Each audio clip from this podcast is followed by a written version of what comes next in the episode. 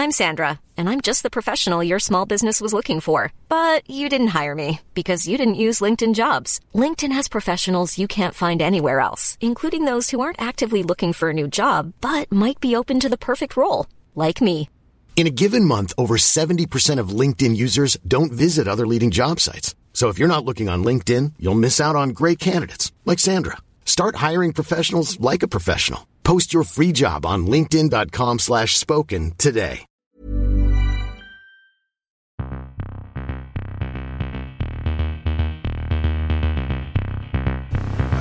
Guten Tag. Meine Herren, es gibt vier Fragen, vier Antworten. Die Fragen, die stelle ich und die Antworten gebe ich auch.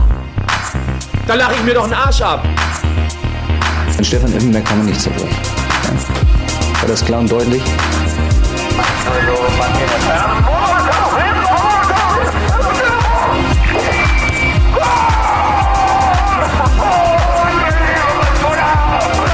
Das ist doch eine Frechheit, was der pfeift. Ich glaube, ich fertig. Stammplatz, der Podcast, wo wir über den deutschen Fußball reden. Wie geht's dir? Ja, jag får väl bryta det tyska snacket här nu så inte våra lyssnare tror att de har råkat klicka in sig på den uh, tyska versionen av Stamplats. Nej. Men uh, för att besvara din fråga, så jo tack, det är alla tiders för mig. Hur är det själv? Underbart. Jo tack, det är bra. Lite rolig grej där ju är ju att vi startade den här podden, vad är det nu, tre år sedan. Och 2021 var det va? 2021, precis. Eh, två år sedan. Eh, ja, och, och vi... eh, Ja, jag, jag har ju varit i kontakt med väldigt många olika tyska bolag tidigare för att jag vill starta en tysk podd. Och jag hade ju med Jan Tauer och pratade om tysk fotboll och internationell fotboll i allmänhet. Och jag vet att ingen i Tyskland riktigt var så hype på poddar. Men sen kom ju coronan och alltihopa och nu finns det jättemånga tyska poddar. Och Bilds egna dagliga podcast heter just Stamplats. Eh, det- är, det är jäkligt roligt att, att det blev just det.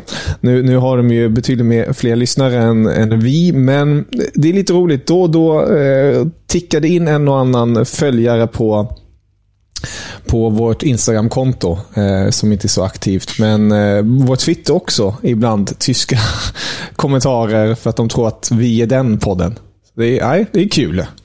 Ja, men vi kan i alla fall stoltsera om att vi var först. Jag Exakt. tror väl att uh, den andra kom, om det var förra året. Exakt, förra januari tror jag det var.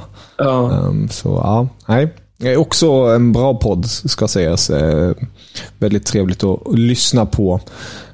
Och eh, höra lite andra tankar och funderingar. Men det är ju på tyska, för er som kanske det. inte är så bevandrade i det tyska språket. Men eh, låt oss lämna det till sida och eh, prata kort om det som skedde i fredags. Det var nämligen ännu en förlust för Hansi Flicks Tyskland. ja, helvetet, det fortsätter då. Mm.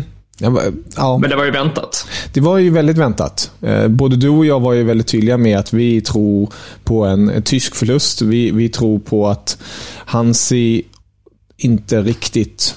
Han vill ju inte få den där stabiliteten just nu. Han har ju varit tydlig med att han vill ha, en, ha ett experiment under detta upp, uppehåll och sen till september när det är nästa landslagssamling, då ska, ska de ta den här strukturen och, och hitta en form av elva. Men jag tycker ju ändå att det är väldigt märkligt att man att man pushar eh, till eh, just den där strukturen eh, när, när man har så få matcher kvar till EM-slutspelet. Och jag tycker ju matchen mot Polen, det var ju självklart fanns det vissa positiva ljusstrimlor där, men det var inte mycket.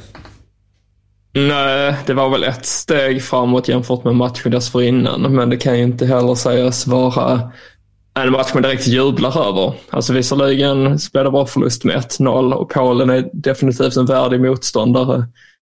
Men det är liksom det här, det, det är ingen som kliver fram och visar framfötterna och, och som verkligen som spelar med det tyska emblemet med örnen då på eh, bröstet. Utan det, är ju, det ser ju så himla avslaget ut hela tiden.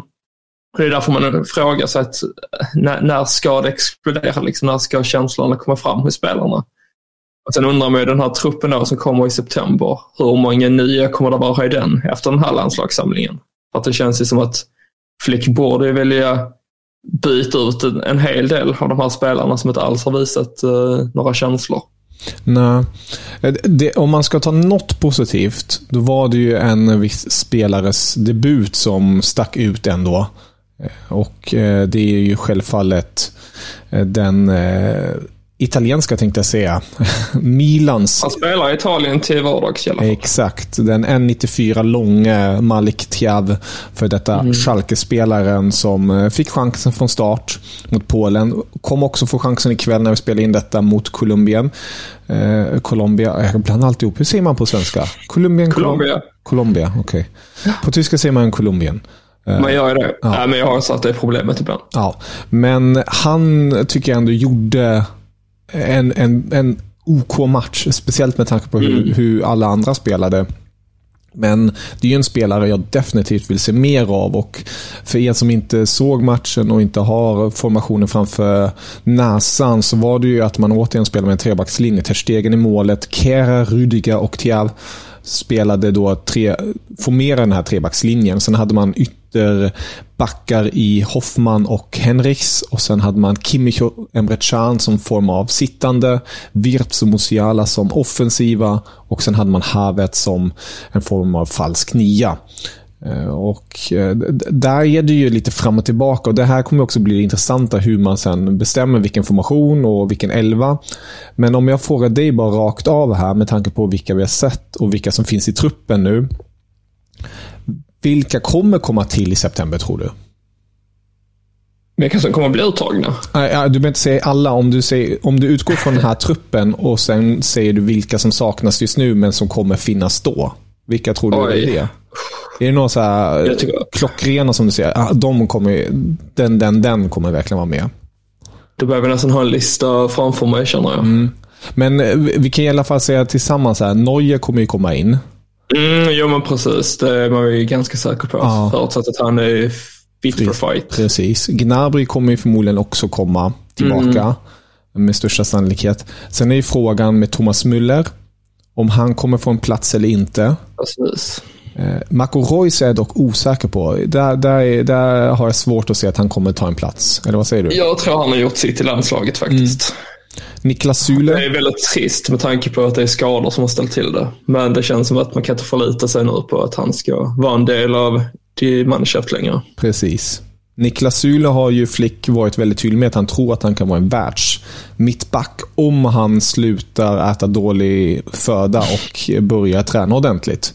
Eh, och -hmm. Felix Magath var ju ute häromdagen och sa jag förstår inte vad diskussionen är för att många tyckte att Flick var för hård. Eh, men Magath sa att vi bedriver en professionell sport här. Det är inte så att man ska vara 10 kilo överviktig i en professionell sport. Så Det är ju tydligt vart Magath står någonstans i, i det hela. Men Syle är, är ju en kandidat. Ja. Nej, men det, där finns ju några stycken helt klart. Eh, mm. Och sen har vi ett u em framför oss som vi kommer komma in på lite också. Där finns väl kanske inga solklara stjärnor på det viset. Men, men förutsatt att tyskarna gör ett bra mästerskap så borde det ändå kunna finnas en och annan spelare där som skulle kunna ha en chans att komma med i det riktiga landslaget sen. Mm. Och där, där kan vi ju gå in på. Där, där finns det ju en spelare som jag vet kommer få en plats i det tyska laget och det är Mokoko. Uh, mm. Med tanke, om han nu fortsätter på den inslagna vägen i, i Dortmund och får regelbunden med speltid. Så finns det ju en plats för den sortens joker i, i laget. Men det är ju intressant att se lite hur Flick tänker kring det hela. Eh, det är, det är ingen hemlighet att det finns en, ett överbud på offensiv kvalitet.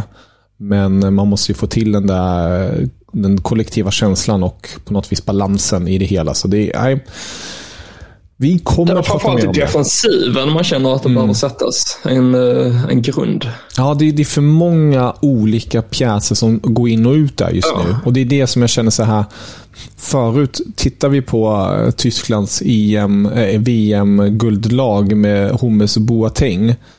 Eh, Hummels var, har enligt mig, när han var som bäst, var han definitivt en av världens bästa. Boateng var också bra, men han var ju ingen Eh, ja, man, man blev inte skrämd av hans skicklighet på det sättet. Men där hade man en, en ett lås. Man var, visste vilka som skulle spela i mitten, punkt slut.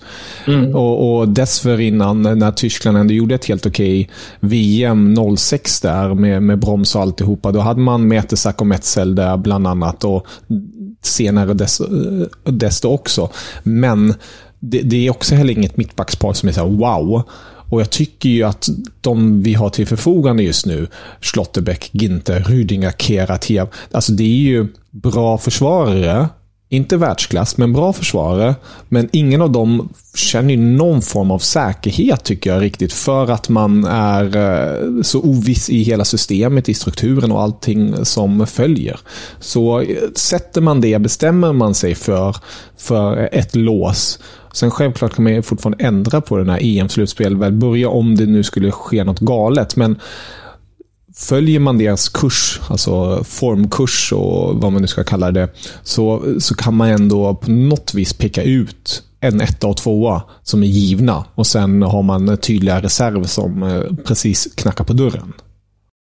Precis. Ja, men det tråkiga är att det är många av de här spelarna som är väldigt duktiga i sina klubblag. Men sen är det precis som att när de drar på sig landslagsdressen och spelar tillsammans så funkar det inte. Så det är någon eh, matchning där som måste ske i mittlåset framförallt kanske. Om, ja, om man nu ska kalla det mittlåset för just nu är det ju tre mittbackar man använder sig av. Men, men jag, jag vet inte, jag, jag tycker att Schlotterbeck borde i grund och botten vara given. Men han har inte alls levererat i landslaget och haft lite sisådär i klubblaget också. Sen Rydegård ska ju vara en stabil pjäs och ha, i, ha också på planen. Men det är också väldigt mycket upp och ner i landslaget. Och sen är det väl den tredje platsen då, om det ska vara Syl, om det ska vara Ginter, om det ska vara Keha. Sen är det Tiab då också som är ett alternativ. Så ja, vi får väl se. Det, det är ju tack och lov får man väl säga fortfarande ett år kvar till EM på hemmaplan. Men eh, klockan tickar. Det gör den verkligen. Vi återkommer till det, men går nu till det, det yngre laget, nämligen Tysklands mm. U21-landslag som har ett mästerskap runt hörnet där och eh, det ska ju bli väldigt roligt och spännande att se vad som eh, hur det blir helt enkelt. Vi fick ju se lite guldvibbar nu i, i våras när ett annat U-lag vann för Tysklands del. Väldigt trevligt och härligt. Men eh, nu är det ett EM som väntar. Där är det Israel, Tjeckien och England i gruppspelet. Och eh, ser vi till det tyska laget så finns det ändå flera namn som sticker ut lite extra. Alltså i försvar, i, i backlinjen. Oh, gud, jag kan inte prata, förlåt.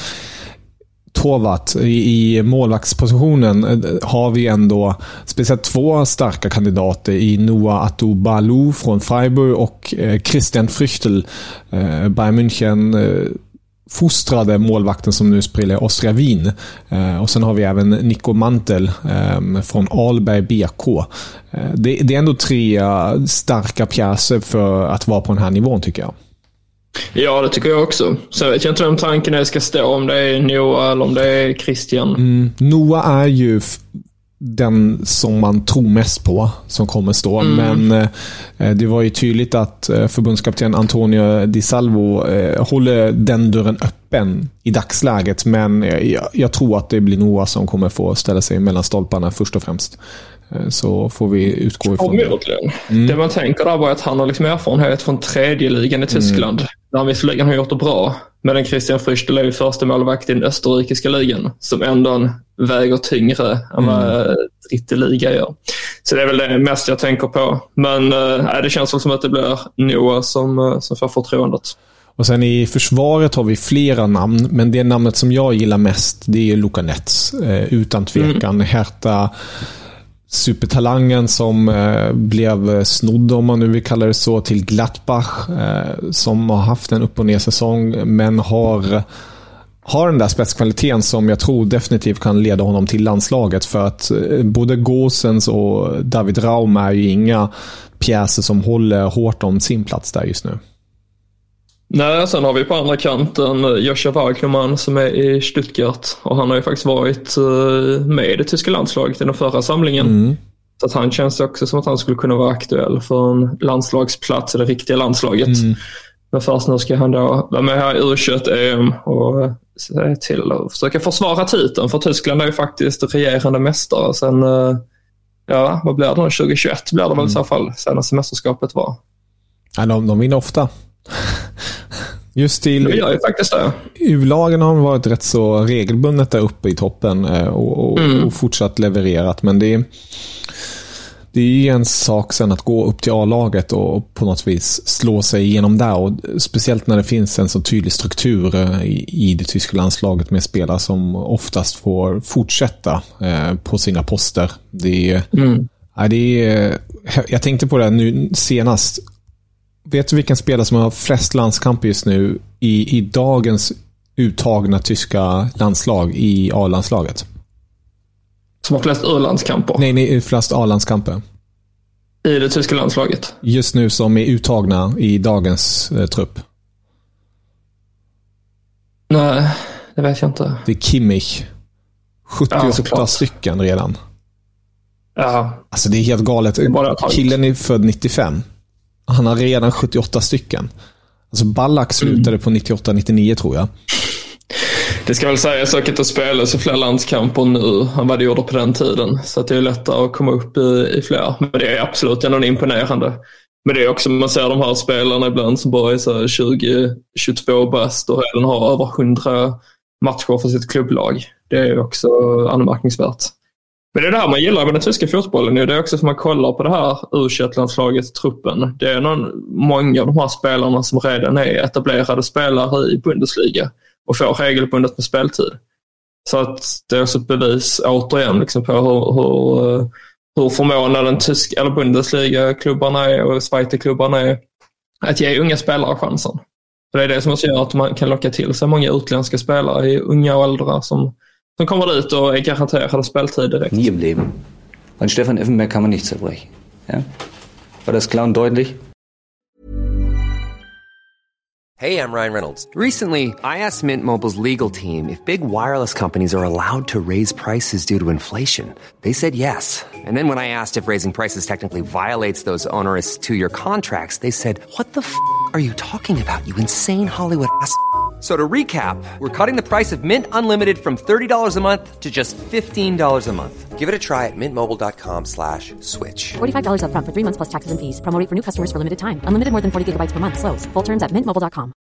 I'm Sandra, and I'm just the professional your small business was looking for. But you didn't hire me because you didn't use LinkedIn jobs. LinkedIn has professionals you can't find anywhere else, including those who aren't actively looking for a new job, but might be open to the perfect role, like me.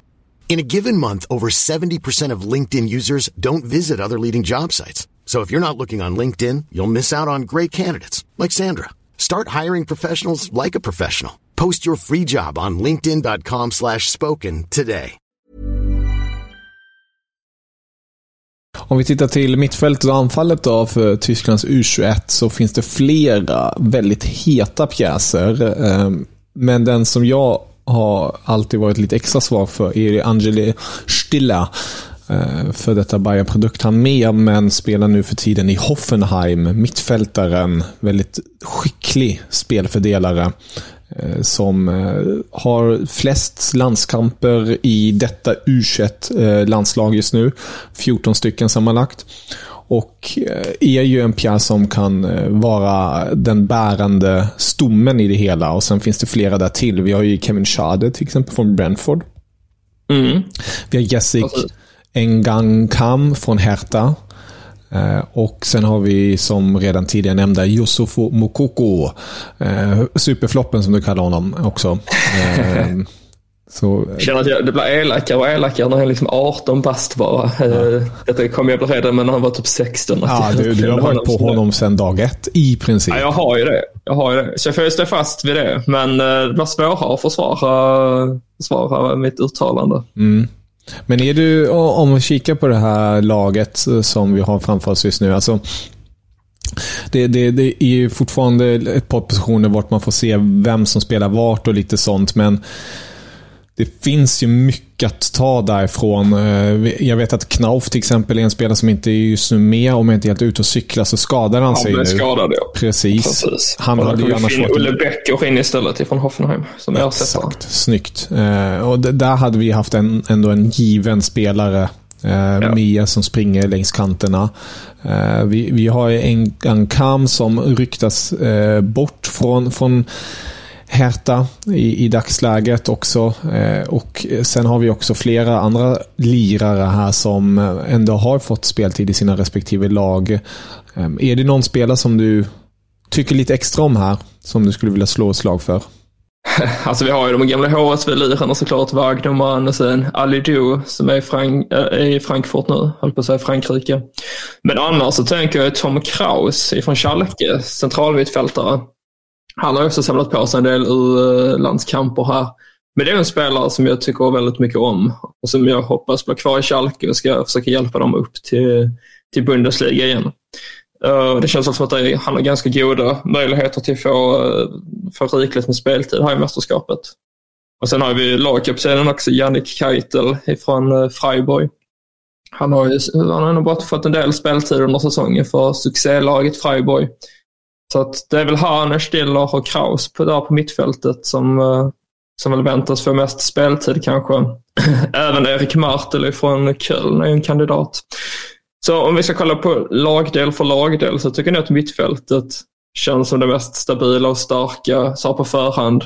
Och sen har man det offensivt med Kevin Schade, Mokoko. Väldigt synd då som vi säger att inte Knauf är med. Men jag hoppas ju kanske då att Alidou istället för chansen. Så att äh, väldigt många spännande namn faktiskt. Alltså en snabb överblick så tycker man kanske inte att det är sådär jättehett. Men när man väl sätter sig in i det lite så inser man att det ändå är ett väldigt stabilt u landslag man, man har till sitt förfogande. Jag tycker det speglar lite A-landslaget. Ett starkt mittfält. Mm. Eh, kvalitet i backlinjen. Men lite så här, man vet inte riktigt vart man ändå har dem. Eh, målvaktspositionerna, bra.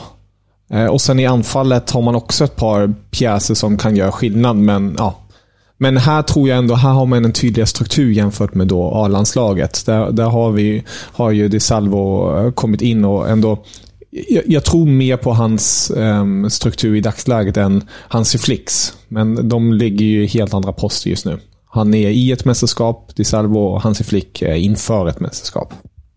Precis. Alltså jag har inte jättebra koll heller på konkurrenterna nu här i det här mästerskapet. Nu har man då England, Tjeckien och Israel i gruppen. Men på förhand så känns det som att det är England helt klart som är den tuffaste motståndaren. Och det är också då man möter den sista matchen. Så den lär ju förhoppningsvis då vara helt avgörande liksom, för om man kommer ett eller tvåa i gruppen. Jag tycker öppningsmatchen mot Israel ska man ju ta. Matchen mot Tjeckien ska man också ta. Och sen är det då England som blir den tuffa motståndaren. Men då är det förhoppningsvis redan klart att man avancerar från gruppen i alla fall. Och sen återstår det då om man kommer ett eller tvåa.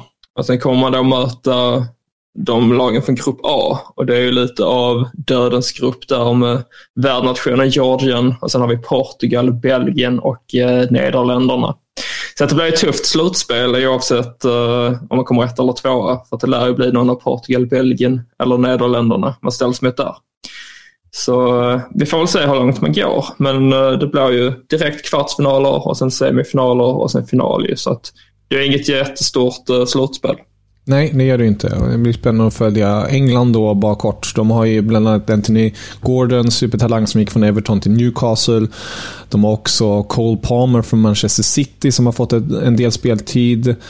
Eh, de har också Harvey Elliott från Liverpool, de har Smith Rowe från Arsenal, de har Curtis Jones från Liverpool, eh, Oliver Skip från Spurs. Eh, så det är ett par, minst sagt, starka lirare. Så det blir kul att följa detta mästerskap som drar igång nu på onsdag den 21, alltså imorgon när vi spelar in detta. Mm. Så det ska bli jäkligt roligt att följa det tyska landslaget och se hur långt långt räcker helt enkelt. Precis, men jag tycker att på förhand så känns det ändå som att chanserna är hyfsat goda för att man kan ta sig långt och kanske till och med kamma hem hela mästerskapet. Mm, slutar ju den 8 juli om jag inte är helt missinformerad. Men eh, med det sagt eh, ska vi gå till vår lista för den här omgången, tänkte jag säga, för den här episoden. Ja, vi får väl göra det. Vi har ju lovat våra lyssnare att vi ska komma med en lista här i resterande avsnitt här innan vi går på sommarledighet. Och förra avsnittet så var det ju våra favoritspelare genom tiderna som har en koppling till Tyskland. Um, och nu tänkte jag att vi istället skulle kolla på svenska spelare som vi gärna vill se i den tyska fotbollen. Och då tänker jag aktiva spelare, men jag kommer, kom, tänker nu i stunden på att det hade varit kul också att med före detta spelare kanske som man hade velat se tidigare i Tyskland. Men eh, det kanske kan bli en annan lista till en annan gång. Det tycker jag. Men aktiva spelare då. Eh, redan nu är vi väldigt glada, både du och jag, att Hugo Larsson har tagit steget till Eintracht Frankfurt. Mm. Men jag tycker ju, med tanke på ryktena som också är just nu och med tanke på hans spelstil och hur han lirar och hela paketet. Eh, att en Antonio Langa hade varit väldigt rolig att se i Bundesliga. Jag tror det hade passat honom som handen i handsken. jag har också honom på min lista, så jag mm. kan bara hålla med. Det, det ryktas ju också om att han är på väg till då, framförallt Leipzig. Tidigare har även Dortmund nämnts vara intresserade, men det känns också som att det är större sannolikhet att han hamnar i Leipzig i så fall. Men ja, definitivt. Han har redan bevisat att han håller på en väldigt hög nivå kanske ändå svårt nu att ta en startplats i Manchester United och kämpa om speltid där. Så jag tycker det är mycket bättre att han går på lån till ett Leipzig där utsikterna till regelbunden speltid är betydligt större. Och jag tror att hans typ av fotboll, just det här snabbheten, tekniken och ändå målfarligheten, det, det kommer passa honom väldigt väl i Tyskland. Så jag hoppas att den övergången blir av. Mm. Sen, eh, vill du köra eller ska jag ta nästa? Jag kör på. Mm. Sen tycker jag ju också, eh, nu, nu stannar vi fortfarande lite hos de större namnen här, men jag tycker också att det är väldigt roligt om man skulle kunna få se till exempel en Lindelöf i Tyskland. Det ryktades ju förut om Frankfurt, sen har det sagts att de, eh, den informationen inte stämde, men Lindelöf med hans spelskicklighet, och kanske inte den största fysiska styrkan skulle ändå passa bra in i Bundesliga, kanske mer in i, i Serie A tror jag ändå. Men eh, jag tänker mig att Leverkusen med Xabi Alonso ha en sån spelskicklig försvarare i Lindelöf hade varit roligt att se. Jag har ju också med Lindelöf på min lista så att vi tänker lika här mm. än så länge. Men det har kanske också ganska mycket att göra med det här ryktet om att han var väldigt nära Frankfurt i vintras. Men, ja, men det känns som en sån stabil spelare och just det här att han kan spela både ytterback och mittback gör att han blir väldigt användbar. Och jag tycker definitivt i så fall att han skulle vara i ett topplag. Så Leverkusen köper jag. Annars så, ja, men så här, jag skulle kunna säga att de också konkurrerar om speltid i Dortmund egentligen. Mm. Faktiskt. Faktiskt. Men svårt Nu har de visserligen både Syl och Schlotterbeck och mm. Hummels då, men säg att Hummels hade tackat för sig nu efter den här säsongen då. Eh, jag tror att det hade kunnat vara att han hade kunnat ha ganska goda chanser där till att få gott om speltid. Mm, kanske om de kör en trebackslinje också. Hade varit tacksamt. Mm. Nico och eh, Sule och då Lindelöf. Ja. Annars behöver ju Frankfurt en mittback, mm. så uh, det kanske kan bli av en dag. Ja, jag tror eh, Ten Hag verkar inte vilja släppa Lindelöf. Så det, det, är synd. Men om vi går till en annan spelare som eh, det ryktas väldigt mycket om just nu. Främst då till Premier League och även till Portugal. Jag vet inte om du också har honom på din lista? Jag vet inte heller. Jag vet inte vem du tänker på. Han har spelat i Tyskland tidigare. Är det Viktor Gyökeres? Ja, det är det. Mm. Nej, honom har jag, inte, jag har honom på min reservlista faktiskt. Just ja. för att han redan har spelat. Han var ju ja. en vända i St. Pauli. Mm. Men jag skulle vilja se honom nu, all respekt till St. Pauli, jag skulle vilja se honom nu i, i Bundesliga, en större klubb där som eh, kanske slåss. Eh, jag, jag, försöker tänka efter nu vilken klubb som skulle passa. Alltså, en klubb jag som... Jag Timoani i Frankfurt. Ja, eller, lyssna på det här. Union Berlin. Becker kommer mm. försvinna. Mm. Han får spela Champions League, han får bo i Berlin. Eh, de, de, de spelar en sån här brunka-fotboll lite, eh, om man nu får kalla det så. Eh, Gökeres har ju fått, har, har ju spelat i Championship och är väldigt stark och trubbig på det sättet också och skulle kunna slå sig in där bra. Det hade jag velat se. Ja, alltså det känns ju som en potentiell Union transfer, just att han kommer ifrån Championship. Mm. Dock så har han gjort succé där, så att han lär väl kosta en del. Ja, det, det ryktas om väldigt höga belopp redan och eh, Sporting Lissabon bland annat, de har ju redan sagt att när, om de värvar honom då kommer han ha en utköpsklausul på knappt 80 miljoner euro. Så det, är, mm. det här är utanför Unions prisklass redan, tyvärr. Ja, ja, de har ju plockat in en eh, annan skandinav nu. Det är Mikkel Kaufmann, tidigare i HSV och eh, spelar förra säsongen i Karlsruhe som Union då har. Men det är väl mer som en ersättare till Sven Mitchell nu som har gått till uh, Augsburg. Så att jag, jag tror nog att det kommer finnas en, en startplats ledig i Union i anfallet. Så att vi får väl se, men uh, det känns ju som att det är, det är kanske lite för dyrt för deras del. Mm, vem har du annars på din lista? Ehm, jag har ju spelare som har varit väldigt omdebatterade det senaste halvåret i alla fall. Och det är ju i landslagssammanhang i, när det kommer till Sverige. Och det mm. är ju Jesper Karlsson. Mm. Bra namn. Det är lite samma spelartyp som Anthony Elanga. fin teknik. Uh, har han en speed och sen har han en jäkla fot som jag har sett när han har slagit in frisparkar. Så att det, det, känns som att det är dags för honom nu att ta steget ifrån Holland och AZ och då tycker jag att Bundesliga hade varit uh, rätt nivå för honom. Uh, sen om man ska hitta en klubb där. Alltså så mm. jag, hade, jag hade kunnat tänka mig honom gå till typ Gladbach. Mm. Att det är ändå en stor klubb. De har potential. Och det känns som att om han hade kommit dit hade han kunnat få en, eh, en stjärnstatus ganska snabbt. Sen är ju frågan, liksom, som vi har diskuterat tidigare, på är Borussia Mönchengladbach på väg egentligen? Mm. Alltså går han dit, att de ska slåss om överlevnad i Bundesliga, det tycker jag definitivt att han är för bra för. Men jag vet inte heller om det är några av de här absoluta topplagen som, eh, som han är redo för. Utan det känns som att han får väl kanske gå till ett Gladbach då till början med. Om han gör succé direkt, då kommer mm. ju de här andra topplagen vara intresserade. Så att kanske det där lilla mellanåret först och se, se vad som händer med Gladbach och hur han själv presterar. Mm. Ja, det hade varit någonting. Mm.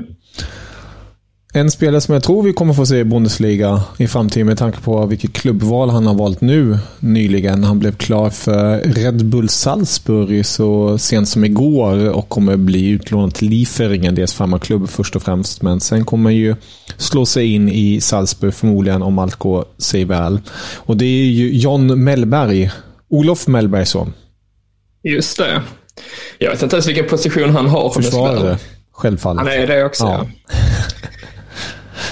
Ja, det, det kunde man ju gissa sig till. Men ja, absolut. Uh, man är ju lite svag för de här klubblegendarerna, eller klubblegendarerna, men uh, de svenska legendarerna, mm. eller legendarer överlag egentligen, när de får fram uh, barn som, som också går samma, eller tar samma steg och, och blir större spelare. Så det hade absolut varit roligt. Vi får väl först se om han lyckas leverera i Österrike, men det känns som ett smart steg att ta ändå och gå dit. Mm. Ja, vem har du med på din lista? Alltså nu har jag två eh, wildcards, eller vad man ska kalla det för. Det är, de är inte likna, lika självskrivna kanske som de andra till att vara redo för den här nivån.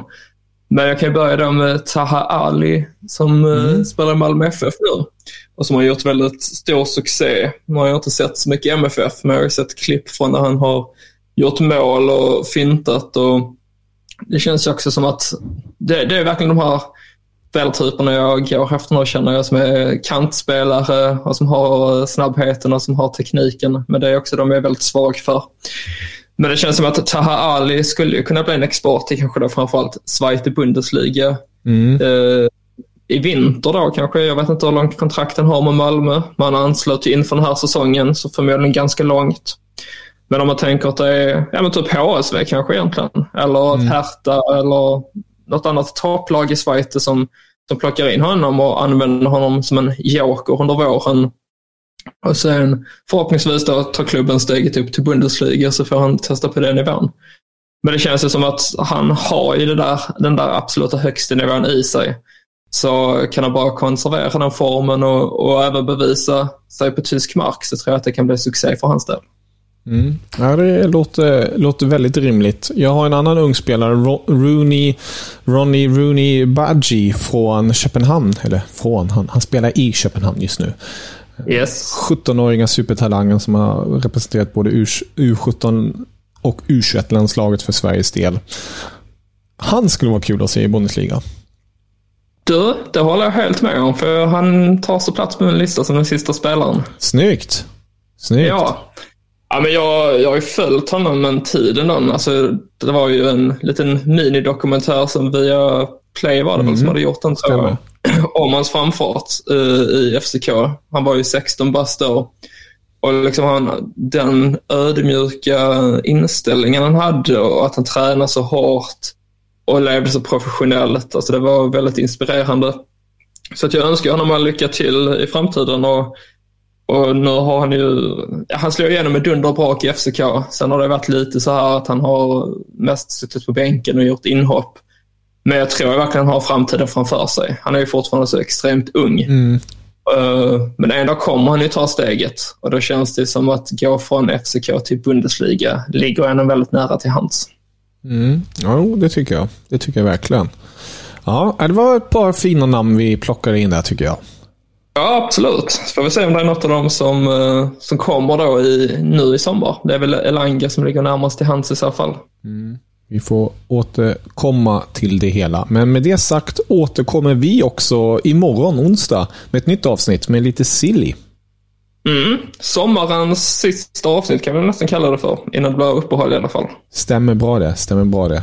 Men uh, sköt om er tills dess. Auf Wiedersehen. Ciao. Guten Tag. Meine Herren, es gibt vier Fragen, vier Antworten. Die Fragen, die stelle ich und die Antworten gebe ich auch. Da lache ich mir doch einen Arsch ab. An Stefan Effenberg kann man nicht zerbrechen. Ja. War das klar und deutlich?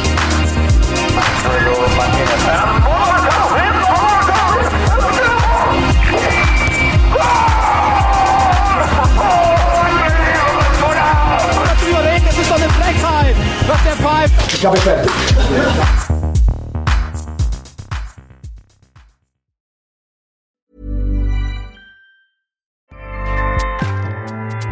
ACAST powers the world's best podcasts. Here's a show that we recommend.